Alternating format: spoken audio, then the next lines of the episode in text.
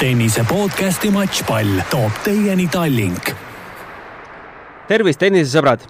matšpalli podcast on jõudnud taas kord väikese juubelini. kolmekümnes saade peaks meil olema, kui minu arvutused mind ei peta.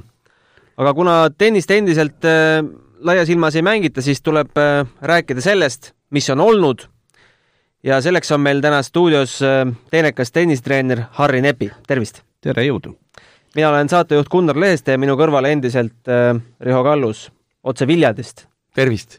aga räägime siis võib-olla alustuseks sellest Viljandi turniirist. päris äh, üllatavaid tulemusi eilne päev pakkus, äh, nagu meie konkurent tennisnet.ee osavalt äh, pealkirjastas, et äh, top tuhat mängijaid langes nagu loogu eelkõige ma ei mäleta, millal oleks olnud sellist Eesti GP turniiri, kus äh, nii üksikmängu kui paarismängu tabelid on täis ja lisaks veel kvalifikatsiooniturniirid, et, et see koosseis oli muljetavaldav Eesti GP jaoks kindlasti jah, aga üllatusi, üllatusi oli jah. et ähm, no kahekordne Eesti meister äh, Katriin Saar kaotas varasemale Eesti meistrile Sofia Tšeklistovale jah, võib-olla raske, võib-olla raske öelda, keegi ju praegu ei võistle ja võib-olla ja keegi ei ole, keegi ei ole saanud nii palju ka võistlusmänge, et, et, et, et võib-olla sellest tingitud on ka need üllatused natukene. ja Kennet Raismaa vast isegi suurem üllatus, kaotus Karl Kiur Saarele. seda on minu teada vist juhtunud ka varem, et ta on Karlile kaotanud kodusel turniiril aga, aga jah, eks ta, eks ta oli ka üllatus, nad siin ju mõni aeg tagasi just tegid omavahelise turniiri, kus Kennet võitis ju finaalis Ivanovi, nii et Kennet, Kennet näitas seal head mängu, aga nii, nii see läks Viljandis seekord. ja siis äh, tänastes poolfinaalides Sofia Tšeklistova võitis juba Valeria Korlatšit äh, kuus-null, kuus-neli ja Lissi Kubre sai Maria Lotakaulist jagu kuus-üks, kuus-kaks. Harri, teie jaoks ka midagi selles nädalas üllatavast on toimunud?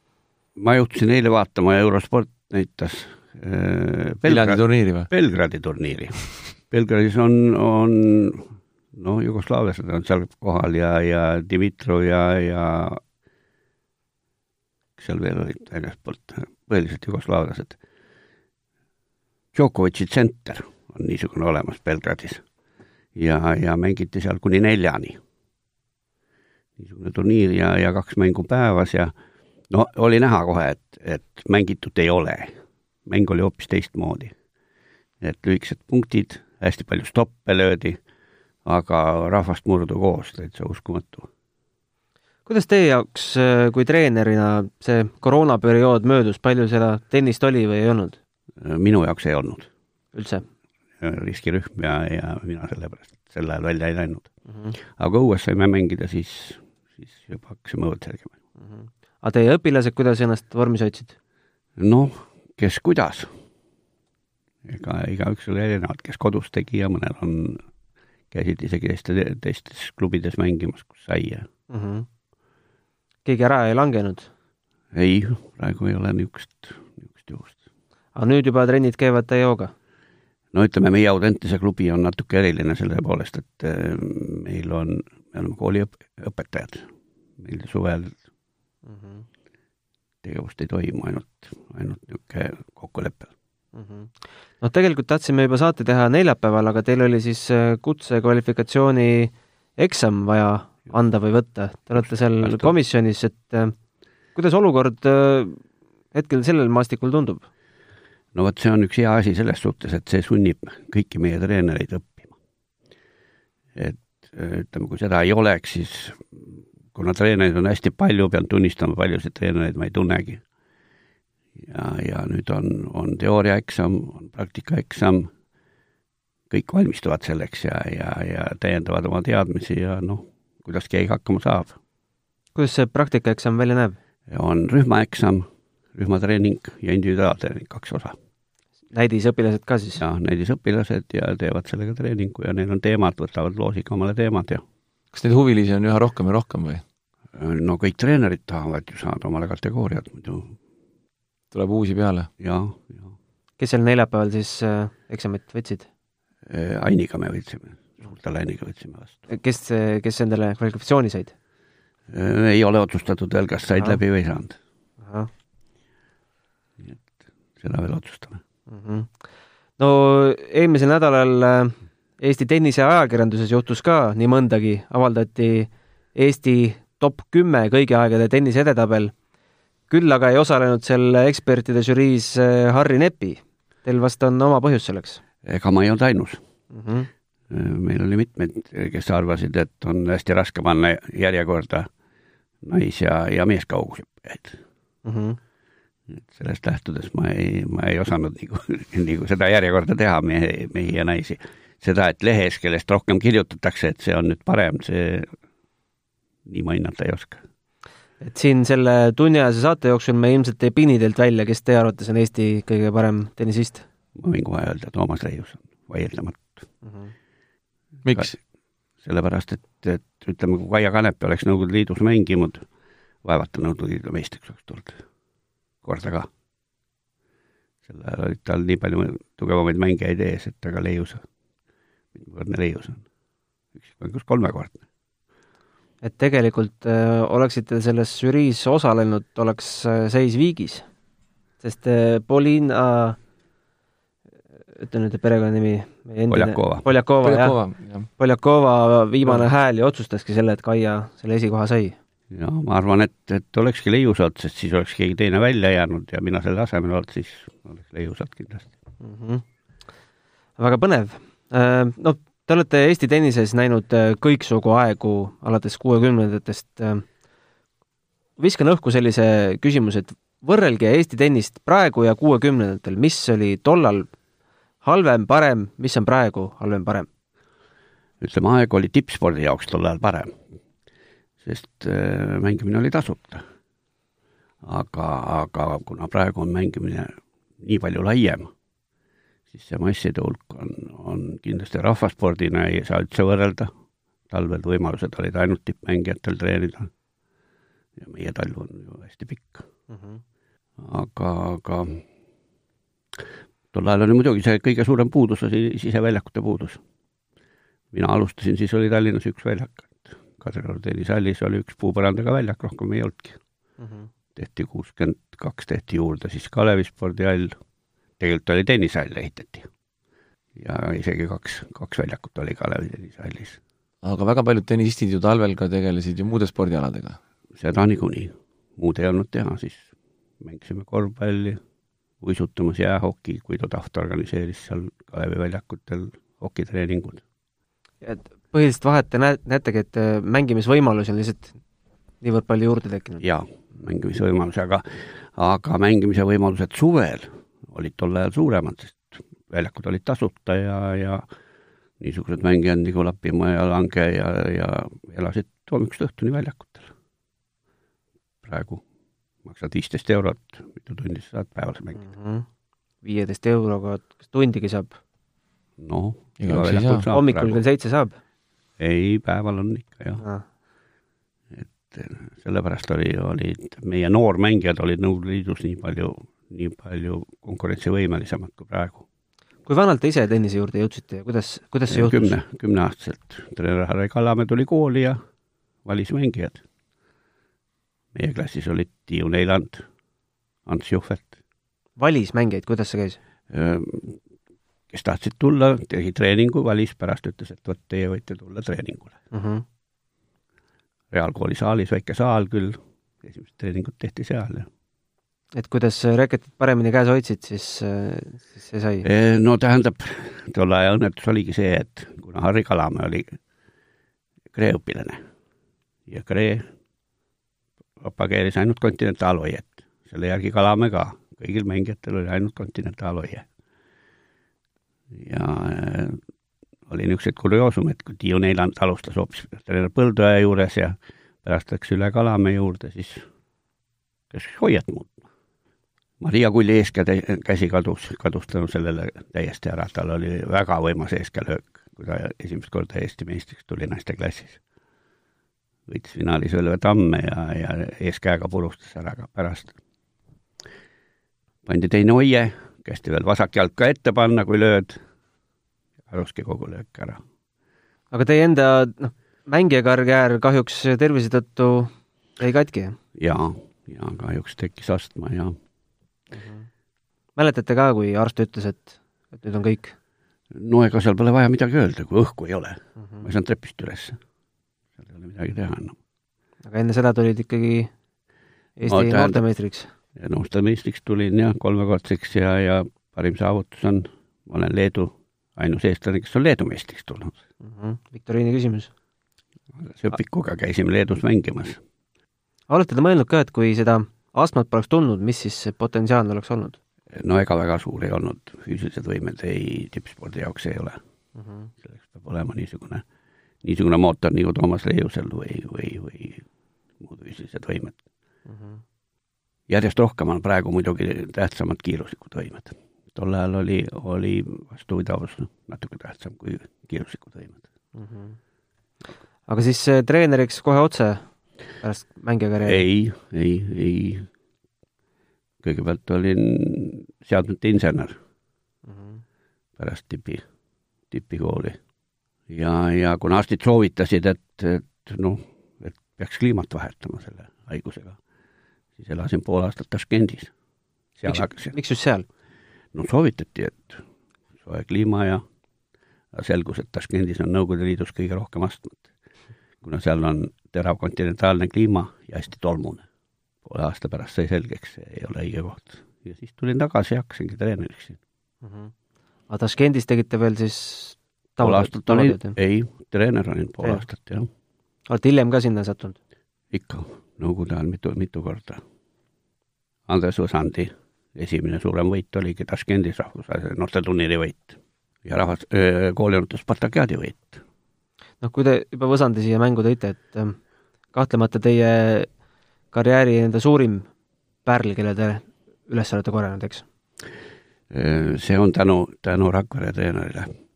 Donat Masing oli, oli see inimene, kes tõi, ma ei uskunud oma silmi, kui Rakveres oli turniir ja, ja Donat tuli rääkima, et mul on üks poiss, kes on kaks nädalat mänginud, aga noh, siis need Rätsep ja Ojasalu ja Peterson olid juba ju kolm-neli aastat mänginud, aga et noh, et kas ta võib ka kaasa mängida, ma ise mõtlesin, noh, et natuke imelik küll, aga noh, kohalik mängija alles mängib. kui ma esimest korda väljakul nägin, siis ma ei uskunud oma silmi, et kahe nädalaga võib, võib tennist nii palju osata. ta oli kaks nädalat ainult mänginud? jah, mm -hmm. kui vana ta oli siis? üksteist. ta hakkaski niile mängima, jah. aga noh, ta oli mäng, pallimänge, korvpalli, jalgpalli. Mm -hmm. Mm -hmm. Kas tegu on mängija, kelle sarnaseid sünnib Eestis, ma ei tea, iga kümne aasta tagant? kas nii tihti tuleb? kas nii tihti? ei tule mm. -hmm. Leiuse sugust ei ole tulnud. seda küll. mis temas oli erilist, mille poolest ta jäi? sa mõtled praegu Andrest või Jah, Andrest, Toomast? on olemas üks niisugune kuju nagu pallimängija tüüp. ja teine asi, mida ma kohe ei märganud, oli hiljem, kui, kui vaatasin, et kuidas tema löögid lähevad nii joone lähedale kogu aeg. teised mängijad mängivad noh, paraja varuga, aga, aga ta oli võimeline selle palli nii tihti joone juurde lööma, et mm -hmm. see on silmatäpsus. aga noh, ega, ega Andrese kiiruslikud võimed ei olnud, ütleme, maailma kümne mängija hulka või, või isegi kahekümne hulka tõenäoliselt ei oleks võimaldanud jõuda. mm. -hmm. ega tema ju sattus ka selles, sellesse aega mängima, et ei tea, mis ta potentsiaal oleks, kui piirid lahti oleks, eks? nojah, õnneks see aeg, kui, kui tema paremad mängud olid, siis me saime sõita siiski vabalt. meile tehti spordikomiteest vaba pass ja saime sõita täiesti ilma, ilma Moskva loata mm. -hmm. ja ise valisime turniiri, aga seda oli ainult poolteist aastat. mm. -hmm. ikkagi lühike aeg. Aga mil-, kui nagu tagasi meenutama jääte, siis milline see kõige eredamalt meelde jääb, milline turniir? no Tampere turniiri võit jääb kõige eredamalt meelde, see oli esimene niisugune seitsmekümne viie tuhande turniiri võit ja, ja kuna ta ei ole täitsa tundmatu mängija, siis rootslased ei uskunud seal, küsisid pärast, et mis mängija see on, kelle sa kaotasid hm.. võitis Aalskordi finaalis, et kuidas see võimalik on mm. -hmm. Aga French Open? French Openil käis kaasas Tiiu Neiland mm. esimesel turniiril, kus ta, kus ta Agassi vastu jõudis kolmandasse ringi. ja teisel turniiril järgmine aasta võitis ta matšpallide pealt tolleaegset Steffi Grafi boyfriend'i Mronsi mm -hmm. krampides mängides aga viies setis võitis, jõudis teise kogu aeg olid Steffi Graffi boyfriend'id vastas, jah? ja aga tollal, kuidas, kuidas te üldse tulemustest teada saite, et te telekast ju mänge ei näinud, et no eurospordist ikka, näitas jah? ja ega tulemusi mm, jah, ainukene oli, oli, mis selle Inglise ajalehe nimi oli, kommunistide leht oli mingisugune ilmus Mm -hmm. seal olid tagajärjed sees, Wimbledoni tagajärjed. aga kui meenutada natuke detailsemalt seda Agassiga matši, et äh, mäletad sa, mis, missugused võimalused tal olid? ma ei, konkreetselt ei tea, ma tean, et üks sett oli seitse-viis, aga mängu sa ei näinud? ei, seda mängu ei näinud, jah. hiljem ma kuulsin, et oli arutelu, et kumb oli löönud palli kõvemini, kas Võsand või Agassi. palju te kontaktis olete tänapäeval? Suhteliselt harva, Andres käib aeg-ajalt siin sügisel käib ikka või? ja käib omal, isa-ema elavad siin ja käib ikka külas. mm. -hmm. no siis äkki õnnestub äh, siit ka läbi astuda? jaa, peate püüdma. peame püüdma, jäime jäämas ootama ei noh, Andrese käest saab küsida ju, millal ta tuleb ja mm. -hmm. aga ta on äh, teil ainuke õpilane, kellega te olete niimoodi tuuritamas käinud, jah? jaa, kas hiljem on võimalusi veel tekkinud kellegagi? ei ole mm, -hmm. ei ole niisuguse tasemega mängijaid. no ütleme, käisime tervisekarika meeskonnaga, käisime siin, siin enne valmistudes, käisime väiksematel turniiridel, aga, aga nende tase oli, võitlus oli turniirile pääsemise eest, et mm, -hmm. et üldse, üldse kümnetuhandesele või satelliidile pääseda. käisime näiteks Soomes ja meie ükski mängija ei pääsenud turniirile peale, kellelgi punkte ei olnud ja nii palju soovijaid mm. -hmm. Sõitsime Soome tagasi aga Harri, räägime natuke su teistest õpilastest ka. Hannes Rašinski, Teet Rätsep, kuulsa tennisisti, Rootsi esireketi Rebecca Peterson isa Mart Peterson, kuidas nendega? Nemad olid jälle niisugused mängijad, kelle mina koolist välja valisin mm. -hmm. ma käisin koolides valimas lapsi, kui ma treeneriks hakkasin ja, ja nii sattusid seal nii Mart Peterson kui Teet Rätsep. Hannes Rašinski oli kõigepealt Toomas Kuuma õpilane. ja kui treeneri tööst loobus, siis jäi, jäi tema minu juurde. no Hannes Rašinski on täiesti unikaalne selles suhtes, et, et, et nii palju treeninud vist ei ole keegi teine kui Hannes, Hannes noorteklassis. tema kohta ma olen legende kuulnud, et et pandi reketile uus spann peale ja siis Hannes lõi nii kaua seina, kui spann puruks läks. oli see päris nii või ma ei tea no ta ei, kaua ei pidanud mängima, sest need keeled olid, need keeled olid niisugused, mis tema löökidele, eriti kui ta juba, juba, juba ütleme, Eesti noortemeister oli, siis ma mäletan, et ühel võistlusel ma istusin väljaku kõrval ja, ja vahetasin neli korda spannugi ühe võistluse jooksul. ainult kogu aeg parandasin no tema tuli ka Eesti meistriks vist samal, kas oli kaheksakümmend kaheksa või? ei, ta tuli varem. varem? kas oli kaheksakümmend, võitis Karoliini kaheksakümmend seitse vist, ma arvan. aga kui vanad lapsed teil praegult, kõige vanemad õpilased on? kõige vanemad on viisteist mm. -hmm. kas nende seas paistab mõnda pärli? ei saa kiidelda praegu uh. -huh Audentese suunitlus on natuke teine, nii kui Tallinna linn annab ju toetust, et lapsed tänavalt ära võtta mm. -hmm. ja, ja muidugi karuteene teeb see, et hallidel on kella neljast alates on väljaku hind kolmkümmend viis, kolmkümmend neli, kolmkümmend viis eurot. ma ei kujuta ette, kuidas sportlikku te-, sportlikku tegevust üldse saab arendada niisuguse hinnaga. aga mis, mis, mis veel on takistuseks sellele, et Eestis neid äh, pärle ja neid noh, ütleme siis staare nii, nii harva nagu tuleb, et te olete ühes kahe tuhande kümnenda aasta intervjuus äh, Jaan Jürisele öelnud, et Eestis on professionaalne tennis olemas küll, aga kuidagi kodukohtud. Jah, võib-olla võib ka nii öelda, aga, aga no kõige suhtlem, suurem takistus on ikkagi talentide vähesus selle rahva arvu juures, on hästi raske leida nii palju talendikaid ja kuna kuna kogu sport on muutunud järjest kiiremaks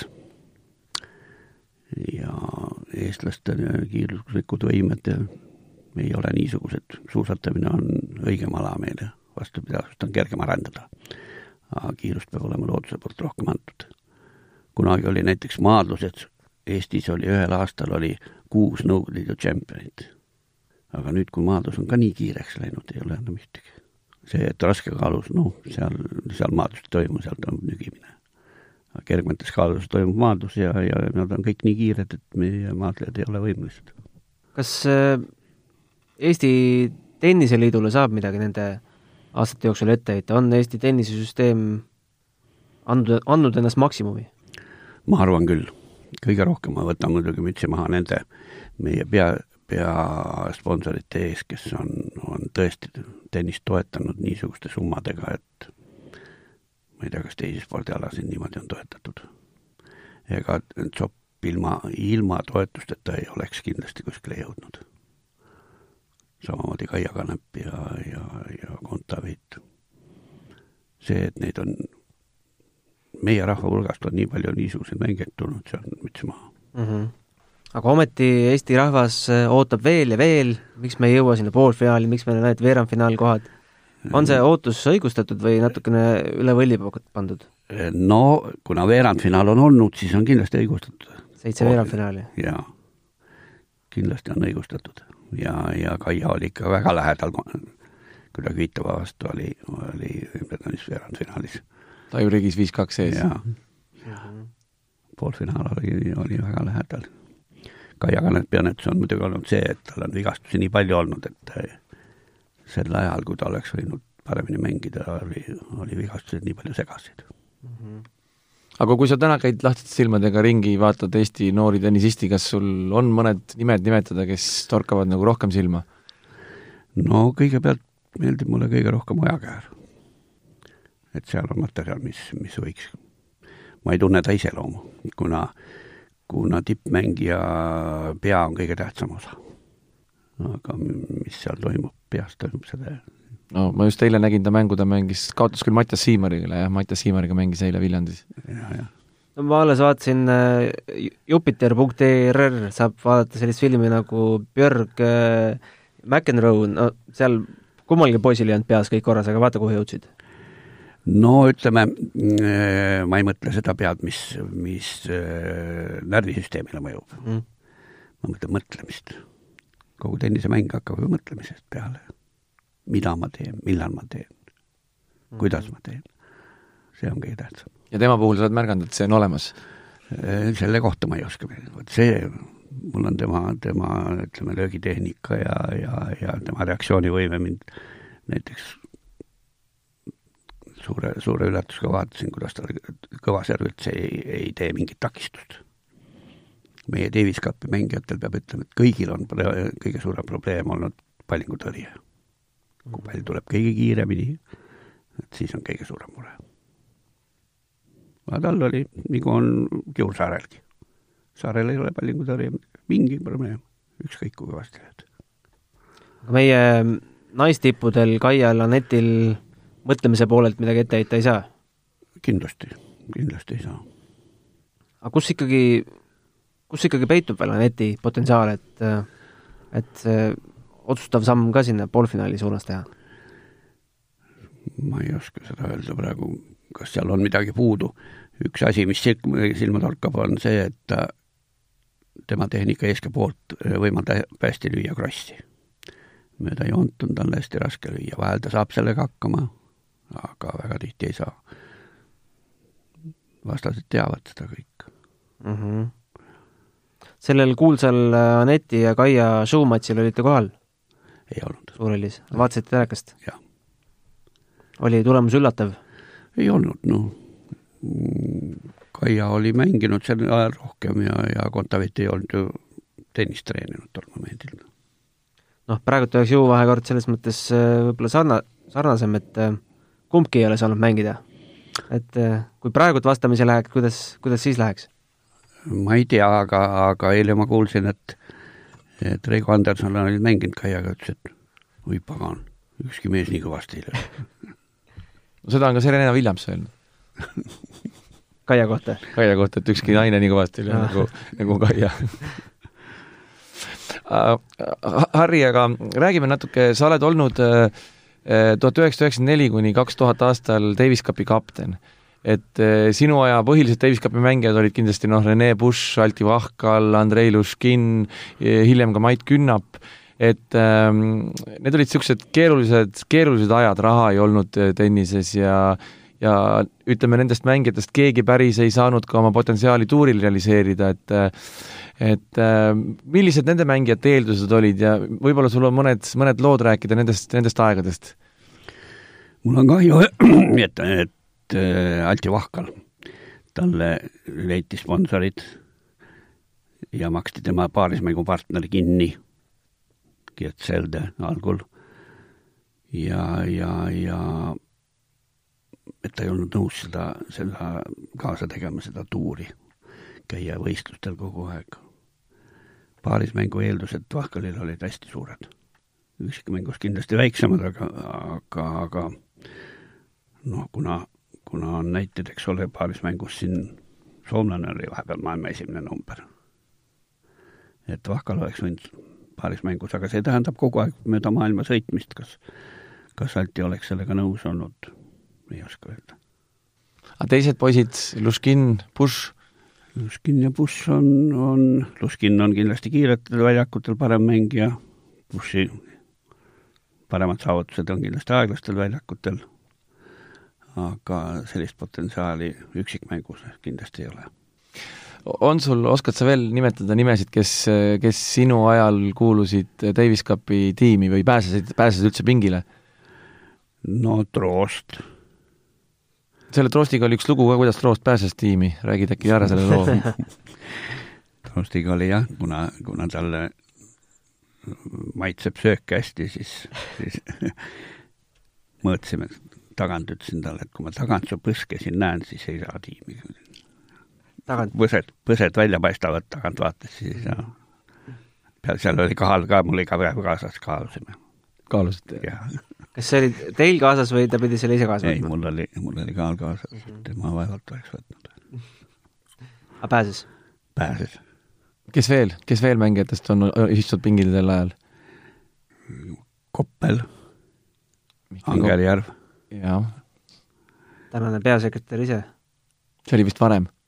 oli varem? Allar? ei, Allar oli ka korra, jah. oli ka korra, jah? jaa, Allar oli meil kaasas ka. Margus Eek? oli Margus Eegi võtsime kaasa, tal oli hea palling. ja kuna mängisime Minskis muruväljakutel ja pallingutõrje oli tähtis osa, siis et saaks pallingutõrjet treenida, siis oli tema sobiv mängija just mm. -hmm. aga kuidas see logistika ja kogu see rahaasjadega toona oli, et ega ega siis ei loobitud tennisesse raha nagu, nagu tänapäeval? nojah, siis oli, oli, mina sõitsin näiteks, näiteks Minskis äh, bussiga poisid tulid küll lennukiga, aga et raha kokku hoida, siis mina sõitsin läbi Vilniuse bussiga enam. raha oli vähe. aga see koha peal millestki puudust ei tundnud? koha peal on tavaliselt niimoodi, et vastuvõtja mm -hmm. kannab kulud mm. -hmm. no ma pean ka ühe loo ära rääkima, see oli äh, mis aastal see Harri oli, kui Eesti mängis Portugali vastu Kadriorus? kaks tuhat kolm. kaks tuhat kolm ma mäletan, et me ostsime Soomest ühe, ühe kummi tenniseväljaku katte Saaremaale ja siis sa küsisid, et, et kas me saaksime kasutada seda Davis Cupil. vastupidi, me tellisime just Davis Cupi meie jaoks selle. ei, see läks ju Saaremaale pärast. pärast läks Saaremaale. ja siis ma mäletan, et ma, ma veel, ma veel ütlesin sulle, et see kate oleks vaja panna niipidi, et teine pool on kulunud ja siis ma tulin, vaatasin, et sa olid ikka selle katte teistpidi pannud ja siis ütlesid, Kallus, ega siin, see on meie ainuke variant, et see peab ikka kulunud pool olema ja vaiba peal et siis me saame nende portugallastega mängida. no kulunud pool oli kiirem. kulunud pool oli kiirem. pall ka väga ei põrkanud. ja, ja, ja seal vist olid päris huvitavad tulemused olid tookord Vahkalil ja Luškinil seal. jaa, Vahkal oli, oli, kas oli kaks-null või kaks-üks settidega ees igatahes. ja Luškin isegi ühe mängu võitis. ja kuidas see matš lõppes? Kaotasime. kaotasime küll jah ja., lõpuks ikkagi, aga jah.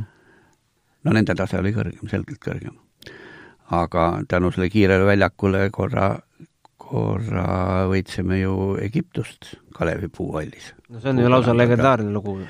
kuidas, kuidas selle väljaku valimine siis käis? no kuna on teada, et egiptlased on liivaväljaku mängijad ja meie mängijad on kiirel väljakul paremad, meie mängijate valik, Luskin ja Ahkal kiirväljaku mängijad. koduväljaku eelis? tol ajal võis valida. no praegugi võib valida, aga puuväljakut keelati, keelati pärast seda matši ära, samal ajal tänu Eestile Mol...? samal ajal oli Moldaaviaga mänginud kellelgi. puuväljakul? jah, puuväljakul.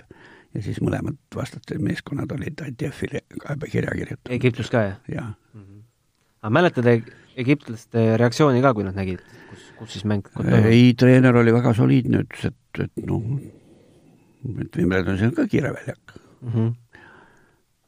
on sul veel mõni eredam võit meeles sellest ajast Davis Cupil, kes on mängijatest väga korralikke võite saanud sealt? praegu kohe ei oska nagu Eesti-Taani oli äkki Kalevis oli?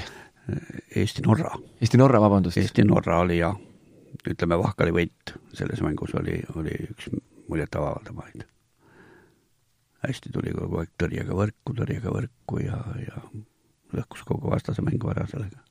see on mu elu ainuke joonekohtuniku kogemus, ma olen ka joone peal olnud kunagi. Vahkal kohe enne, kui meie esimene mäng oli, Kalev Allis puu peal oli Lätiga. Ja, ja oma poolte vahetuse ajal Altile ütlesin, et sa ei võida seda mängu, kui sa võrku ei lähe, sa pead võrku minema, sa pead võrku minema kogu aeg Alti oli kuulnud selle mängu jooksul ainult ühte sõna. sa ei võida seda mängu no olles äh, näinud äh, noh, päris mitut Eesti tennisegeneratsiooni alates kuuekümnendast, et äh, milline aeg äh, võib-olla kõige huvitavam on tundunud Eesti tennises? No kindlasti nüüd, kui, kui Kaia ja, ja Kontaveit on konkurentsivõimelisemad mm. -hmm nii huvitavaid aegu ja noh, televiisoris on näha mänge, ütleme Nõukogude Liidu ajal, kuigi, kuigi me tulime mitu korda võistkondlikult Nõukogude Liidu meistriks, aga noh, keegi neid mänge ei näinud ja ainult võistkond nägi koha peal. et nüüd terve maailm saab jälgida seda? aga kas see natukene muret ei tee, et Kaia Neti ja siis järgmiste vahel on üpris suured käärid, et ei paista, kes järgmisena võiks WTA-s tuuritama hakata? no ega meil ju enne seda ka ei olnud kedagi.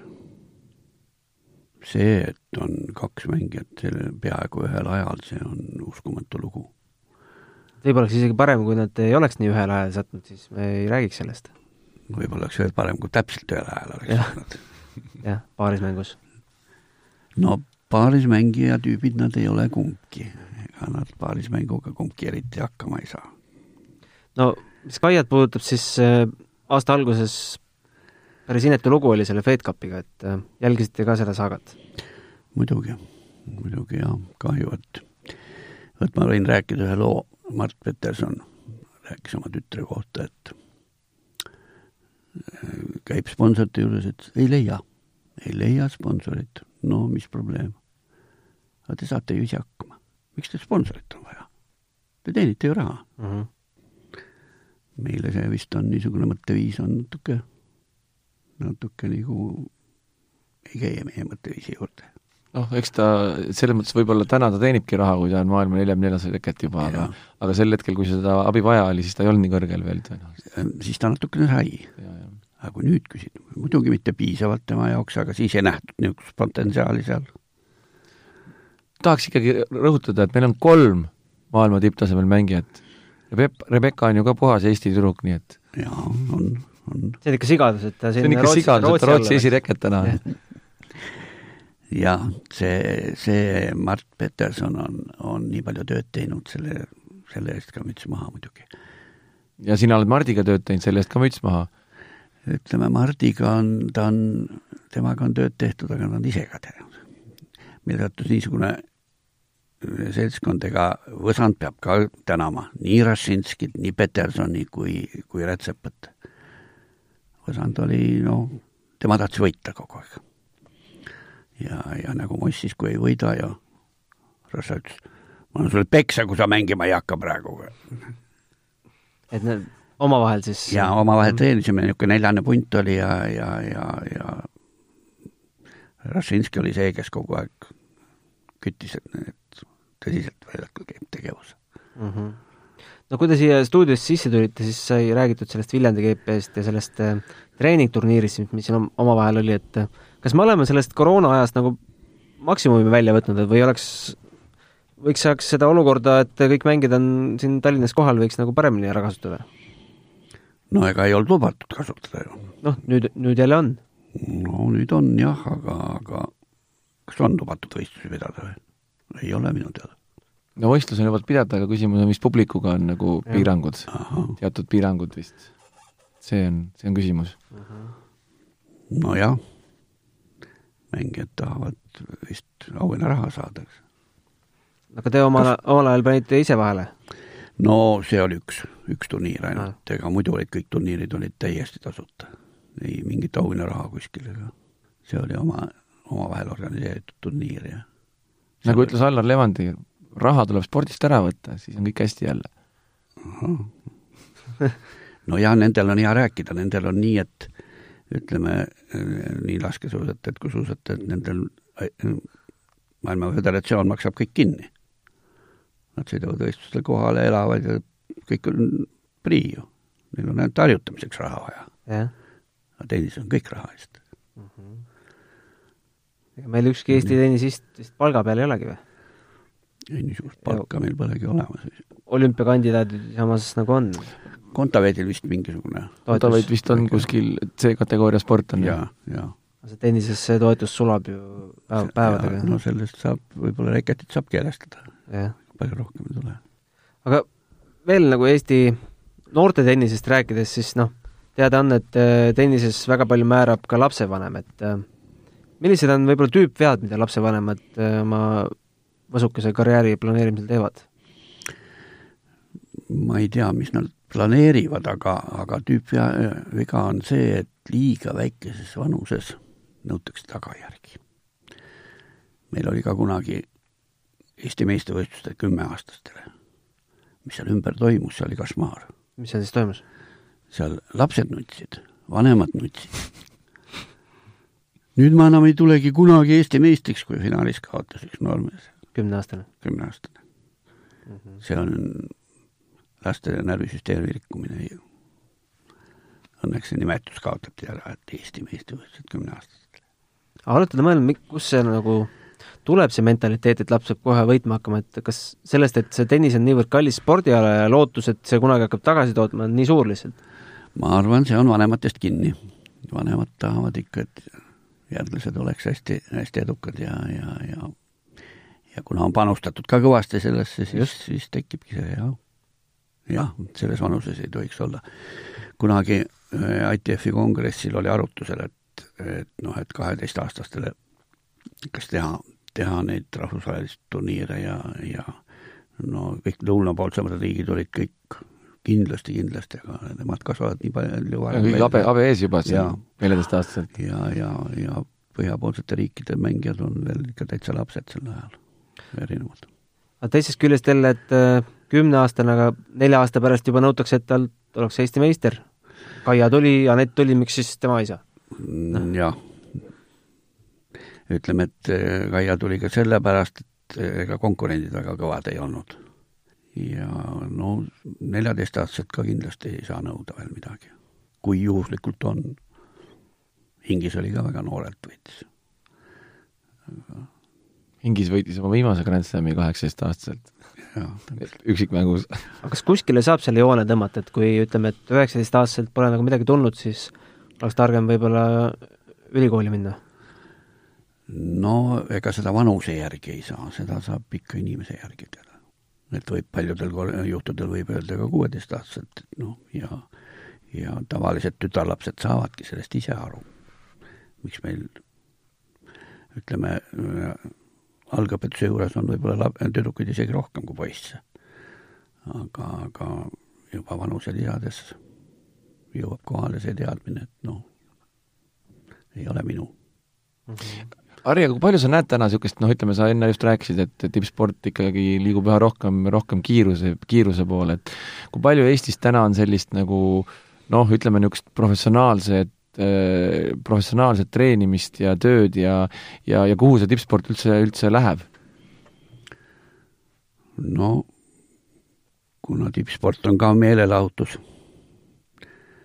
siis, siis raske öelda kuna maailmas konkurents järjest suureneb igal pool mängitakse miljonid inimesed, Ameerikas kakskümmend miljonit inimest mängib tennist. selles konkurentsis jõuda sada paremat teenivad raha, ei oskagi, ei oska prognoosida mm. -hmm. noh, kui te juba siin olete, küsime enda kohta ka kriitikat, et kas, millises seisus on Eesti tenniseajakirjandus, saame üldse väita, et meil on tenniseajakirjandust võrreldes äh, tšehhide, serblaste ja hispaanlastega? no jumal tänatud, et internetis on. see, see, mis teie teete ja, ja Toomas Kuum teeb, see on väga tänuväärne. et järjest rohkem propageerida ja, ja, ja natukene tahaks rohkem noorteturniiride kohta kommentaare saada vot noored ju, nad on väga huvitatud sellest, et nende, nende asjast räägitakse mm. -hmm. samas on nagu jälle vanemad, et ah, mis me sellest, mis alles nii väike. aga näete, et noortele endale läheb korda? jaa, noored on hästi huvitatud sellest mm. -hmm. ega see vanemad, noh, nad on taustajõud, aga noortel peab olema mingisugune, ma mäletan, kui, kui ma esimest korda jõudsin Tallinna meistrivõistluste poolfinaali ja Õhtulehes kirjutati minu nimi see oli nii suur asi, et poolfinaalis mm. -hmm. räägime natuke su suurest tennisest ka veel, et äh, Harri, sa kindlasti jälgid palju ja, ja tead, et äh, kes su, kes su lemmikud on, mis, mis sa arvad, mis seal toimuma hakkab, noh, võtame meeste tennise kõigepealt no eile ma vaatasin terve päeva peaaegu tennist ja, ja, ja, ja mind üllatas see, kui palju hakati lööma stoppe liivaväljakul. Djokovic lõi mängius umbes üks kakskümmend stoppi. ja nii osavalt, et enamus neid ei saadudki kätte. mis liivaväljakul hakkab toimuma, mis hardcore'il. no eks ta läheb ikka samamoodi hardcore'il, nagu kogu aeg on olnud, aga aga liivaväljaku tennis, niisugust tennist ma liivaväljakul ei olnud enne näinud, teised ka kasutasid väga palju. mis sellest hooajast üldse saab? no eks ta vigaseks jääb. see on selge et, et US Openit tõenäoliselt ei toimu ja ja eks see kõik sõltub, mis, mis meie tervisega edasi saab mm. -hmm. kui Hiinas pandi Pekingis juba suured rajoonid kinni, uus laine. aga mäletate üldse sellist aastat, et kus tennishooaeg on nii lünklikuks läinud? ei, ei ole ühtegi. täiesti uus teie jaoks ka? kunagi ei ole niisugust asja olnud, sõda ma ei näinud, eks ole, sõja ajal oli, ma olen ikka pärast sõda sündinud ma korraks veel selle eelmise teema juurde hüppan tagasi, et kas meie Eesti ajakirjandus äh, on, on meie tippe õiglaselt kohelnud? tihti on nagu mõne, mõne naismängija leerist just nagu sellist etteheidet tulnud, et äh, on liiga tehtud. Kui on liiga tehtud, siis on ise süüdi olnud mm. -hmm. kindlasti jah. ma ei tea, et Kontaveit oleks pretensioone esitanud, aga, aga jah nojah, inimesed, kõik nad on ju isiksused, eriti tippmängijad. isiksustega on raske, ka väikestega juba või. on juba seal isiksused? no on, mul on üks väike tüdruk seal trennis, kes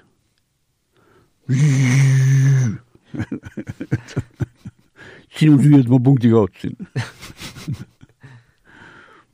nagu selles äh, Björgi ja selles McEnroe filmis oli ka, Björgi treener vast äh, tahtis seda kuidagi distsiplineerida, siis äh, hakkas äh, meelega out'i lugema palle. ja siis äh, Björk sai muidugi väga vihaseks, sest tema nägi, et see sisse kukkus. ja, ja ma olen ise näinud pealt, kuidas Natasha Zverjeva isa, treener,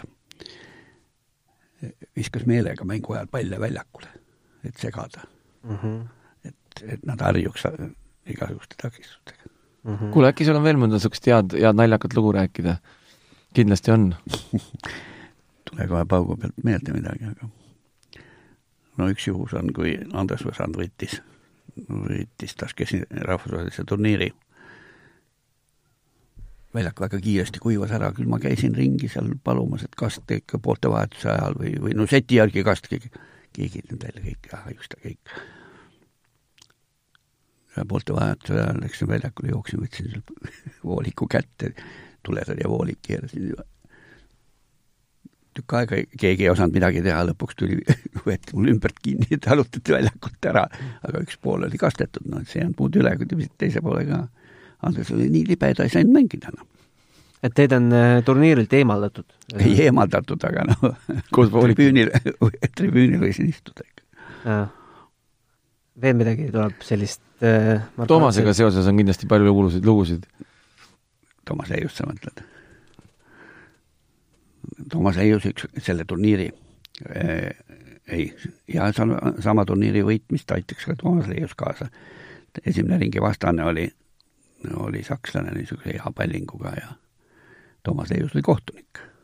ja, ja paar korda siis luges Andrese kasuks niisugusel väga õigel momendil, mis viis vastase mängu seda peab tunnetama ikka, mis see hetk on. mis seisul, jah.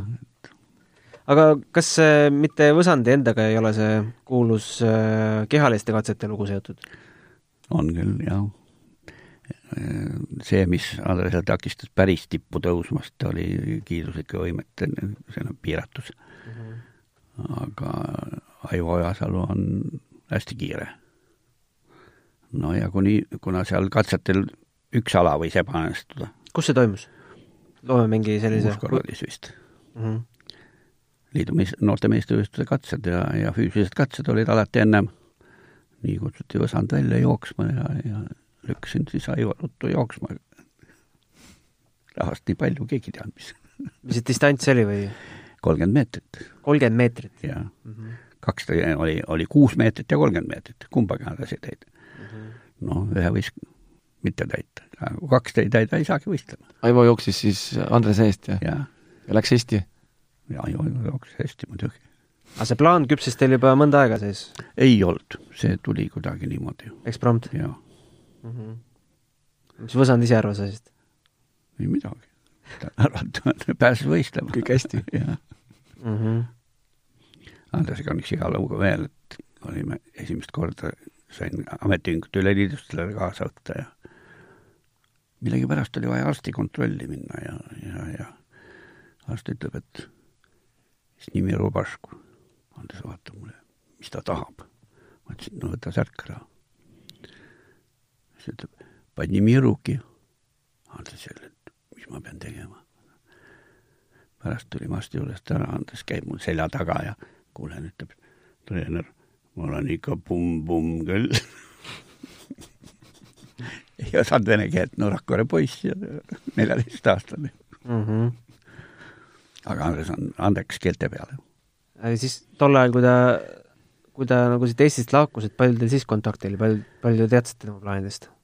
no me leppisime kokku, tema, tema läks ju Saksamaale oma ära kaotatud pruuti otsima mm. -hmm ja no minule, minule see ei klappinud, Saksamaale minek ja kutsus kaasa? kutsus kaasa, jah.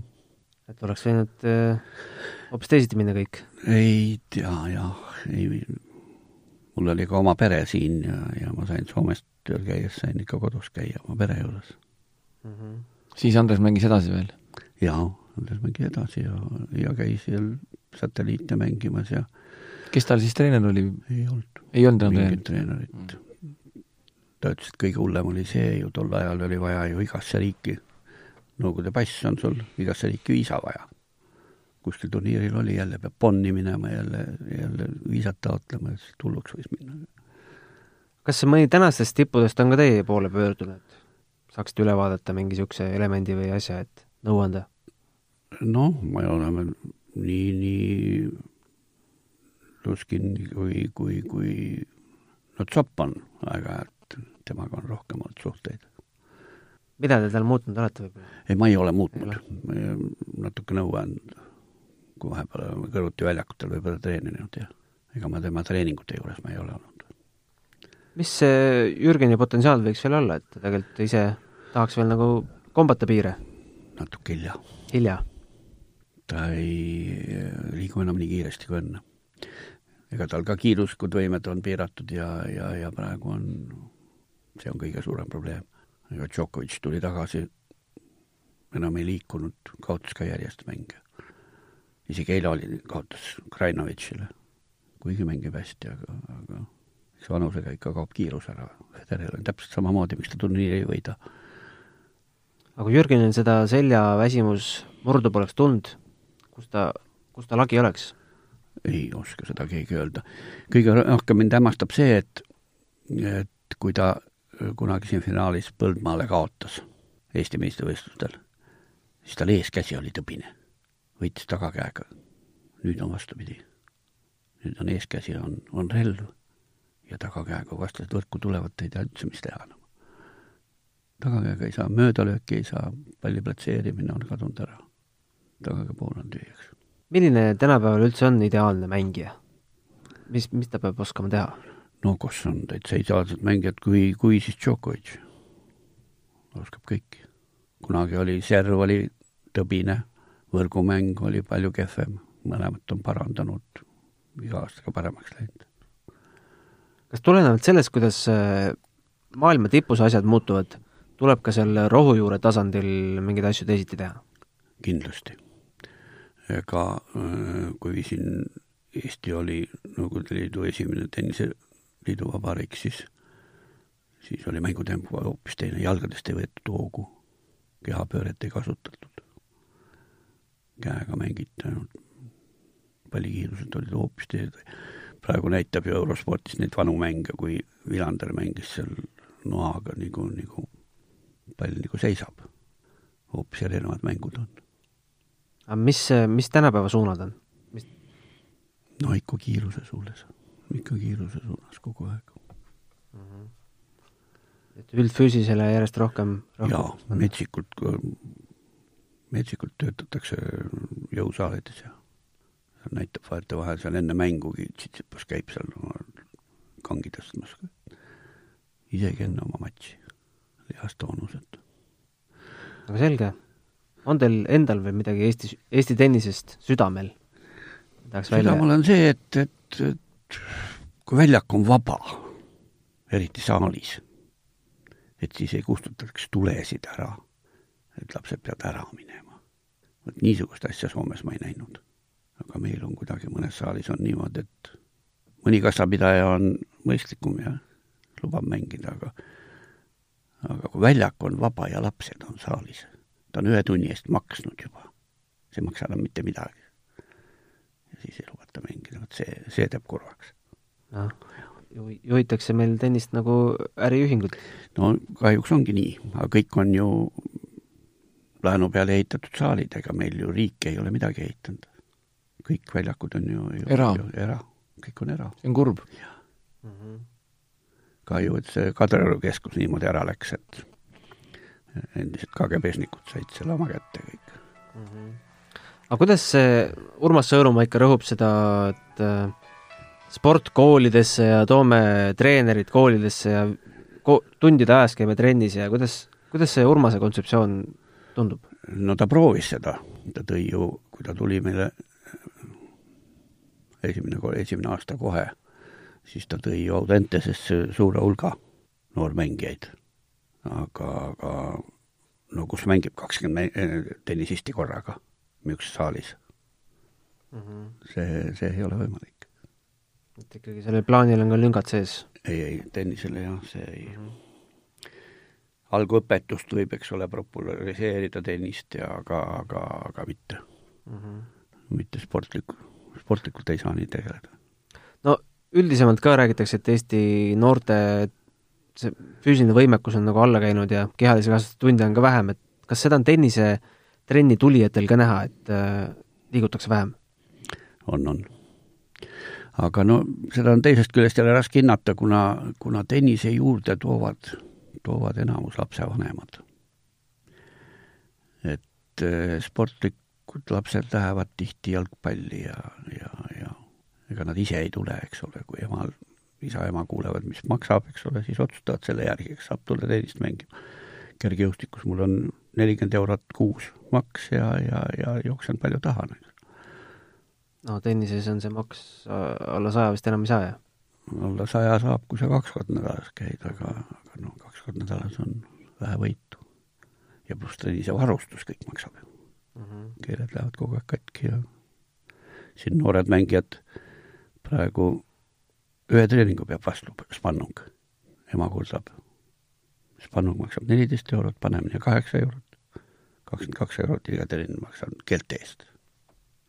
aga kas, kus see kus see lünk või auk või viga nagu peitub, et kuidas seda asja siis saaks odavamaks teha?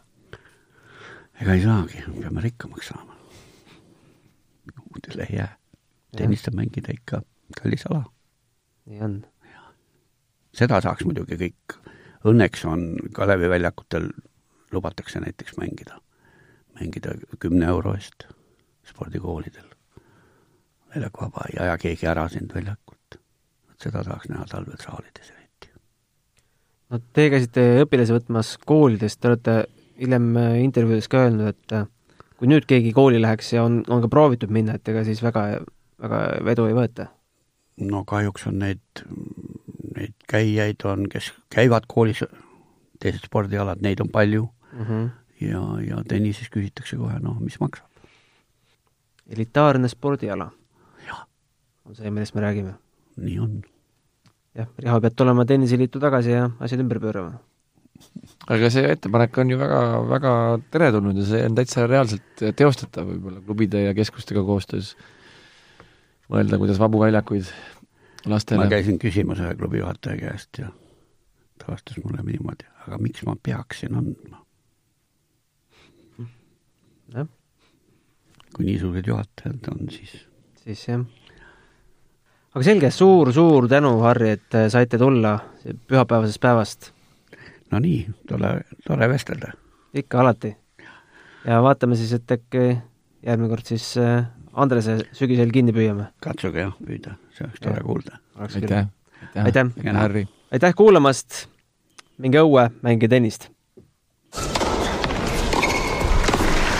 Tennise podcasti Matšpall toob teieni Tallink